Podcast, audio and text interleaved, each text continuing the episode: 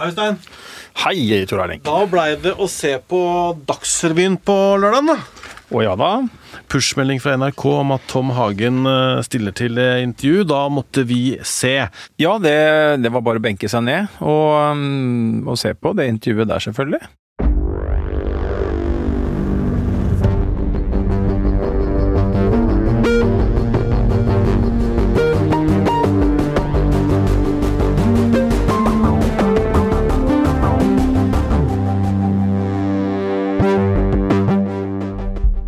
Ja, du så reporter Runar Henriksen Jørstad liste seg opp eh, i noe kratt og noe greier eh, bakveien opp til eh, Tom Hagen.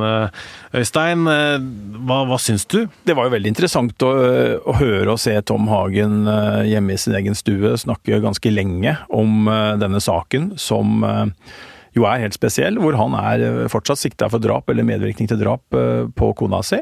Og hvor han har vært eh, taus i mediene i to år. Han har fått mange spørsmål om å stille opp i mange medier, men, men valgte da nå til slutt å bryte tausheten i NRK i Dagsrevyen på lørdag. Og det, mm, det er jo en seanse som sikkert mange fikk med seg, og som vi selvfølgelig, som dekker saken, fulgte veldig, veldig tett. Og har sett uh, flere ganger uh, for å være sikre på at vi får med oss uh, alle nyansene i det han sa. Hvordan framsto han, da? Nei, han fremsto jo øh, øh, samla og øh, Men likevel følelsesmessig påvirka, og, og svarte jo øh, Svarte jo på de spørsmåla han fikk. Uh, så er det jo helt, helt sikkert sånn at det sitter veldig veldig mange der ute og diskuterer eh, frem og tilbake hva man kan trekke ut av et intervju, og hva man ikke kan trekke ut av det. Og Der er meningene delte, og veldig mange tenker jo da på dette med kroppsspråk. Eh, eh, om man nikker, rister på hodet, blunker eh, når man har eh, på en måte tårer i øynene, når man ikke har det. altså dette er ikke, dette er jo hver gang eh, noen eh, som er i Hagens situasjon, altså er sikta, tiltalt eller kanskje også til og med dømt for alvorlig kriminalitet, og man nekter for det man er anklaga for, eller har vært anklaga for, så sitter jo veldig mange da, selvfølgelig, naturlig nok, og gransker med argusøyne eh, alt du gjør, hvordan du framstår.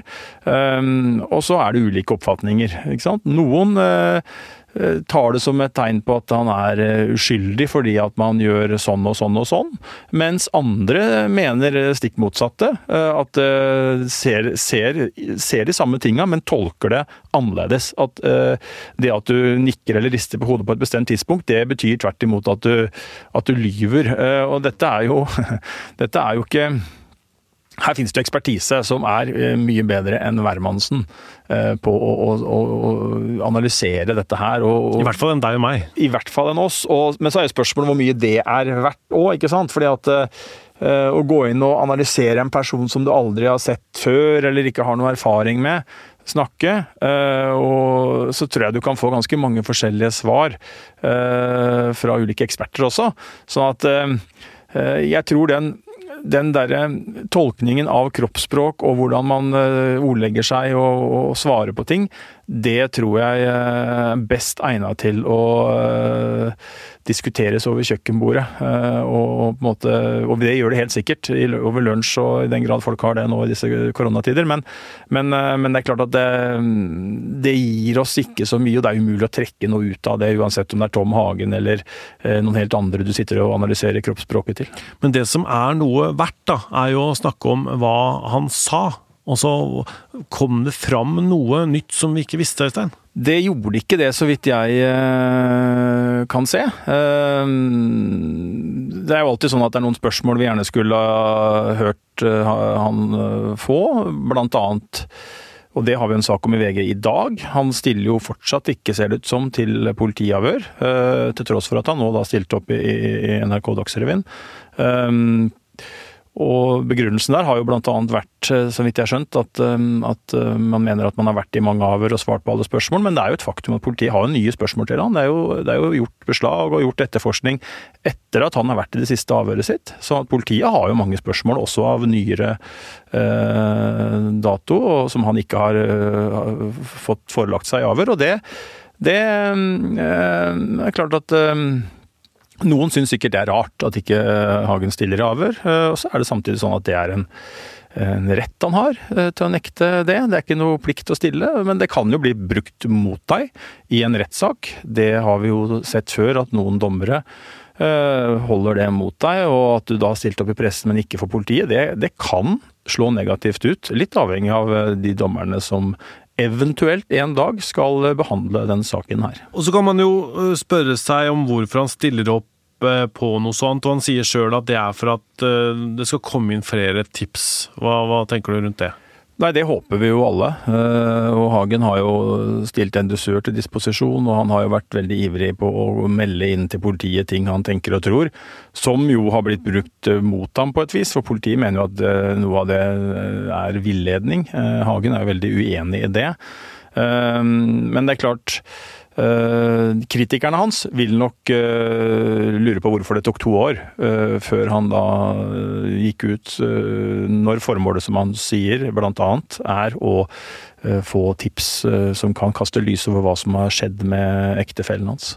Tror du vi kommer til å se Hagen mer i mediene nå? Tom Hagen er jo en mann som de rundt ham beskriver som mediesky, og som nok ikke har hatt Eh, sånn som, eh, sånn som, det beskrives av de som står han nær, så er ikke dette noe han har eh, ønska seg veldig.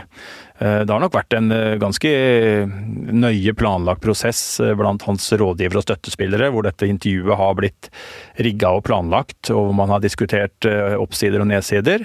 Og kommet til at det var fornuftig, sånn saken står nå, å stille opp på, på NRK. Og, og så må jo da Eh, kommer helt sikkert både den ene og den andre til å vurdere konteksten og hva det betyr. og eh, Jeg er helt sikker på bl.a. at eh, mange i politiet fulgte med veldig nøye på det som skjedde. Og så mm, får vi jo se hva som skjer videre nå. Det er jo fortsatt sånn at mistanken mot Hagen mm, er eh, altså Dommerne er uenige eh, om mistankegrunnlaget. Det er noen eh, dommere som mener at det ikke er skjellig grunn til mistanke, altså mer enn 50% sannsynlig at han kan ha en rolle i denne saken. Og så er det noen dommere som mener at, at det er over 50% sannsynlig. Og der står vi jo for så vidt nå. Og, og dette intervjuet det flytter jo ikke på det, men, men Helt klart eh, eh, noe mange nok hadde venta på, å få høre Tom Hagens egne ord om den saken han står oppi, og som jo hele Norge er opptatt av. Vi har hatt en episode om eh, Lørenskog, og vi har hatt en ganske stor sånn spesial som er nyoppdatert på VG. Tom Hagen har stått frem kan du si, i Dagsrevyen. Hva skjer videre nå, Øystein? Nei, etterforskningen pågår jo for fullt. Eh, og politiet står fast ved at de mener at denne saken kan løses. Eh, jeg tror de jobber med flere spor, eh, og jeg tror dette som handler om krypto og kommunikasjon mellom disse, denne såkalte motparten, jeg tror det er viktig. Og så har jeg fortsatt en viss tro på at denne saken kan finne sin løsning. Uh, nå går vi inn i det tredje året med etterforskning. Det høres jo helt, uh, helt vilt ut at man fortsatt kan holde på, men, men, men, politiet sier at de har mange arbeidsoppgaver, mye som skal gjøres. Og det antydes at i hvert fall fram til sommeren kommer til å holde fullt trøkk på, på, jakten på den eller de som har eh, utsatt Anne-Elisabeth Hagen for en alvorlig kriminell handling. Så er det bare å håpe at eh, man kan eh, finne svaret en dag. Så dette med kryptovaluta og det sporet der, det er den gamle setningen 'follow the money', den gjelder fortsatt?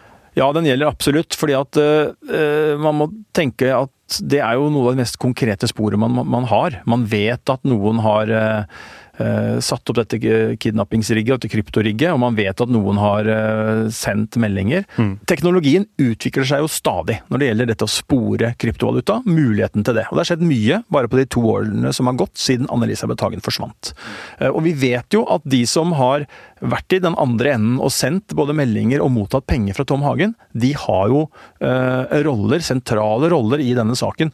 Og Hvis man da klarer å knekke disse kodene, disse krypteringene, og identifisere personer eller en, en datamaskin eller på en måte et eller annet eh, sted hvor dette har kommet fra, så kan man ha et gjennombrudd, for da kan man kanskje klare å finne fram til en eller flere gjerningspersoner. Eh, og, og da kan man være på god løsning i denne saken. Vi skal i hvert fall følge med. Takk skal du ha, Øystein Minli. Jeg heter Tor Erling Tømt Ruud. Produsent for podkasten er Vilde Våren. Og Magne Antonsen er teknisk ansvarlig.